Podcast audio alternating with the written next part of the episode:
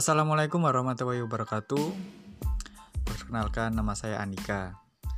Banyak dari teman-teman yang lulus dari D3 maupun S1 keperawatan, mereka bekerja di rumah sakit atau mungkin mereka e, bekerja di puskesmas.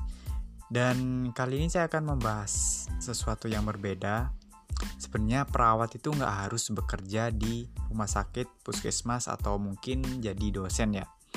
Tapi perawat itu sangat luas lingkupnya dan saya sekarang sebagai perawat yang bekerja di tambang akan share kepada teman-teman semuanya tentang apa sih yang sebenarnya dilakukan oleh perawat yang bekerja di tambang. Semoga bermanfaat dan wassalamualaikum warahmatullahi wabarakatuh.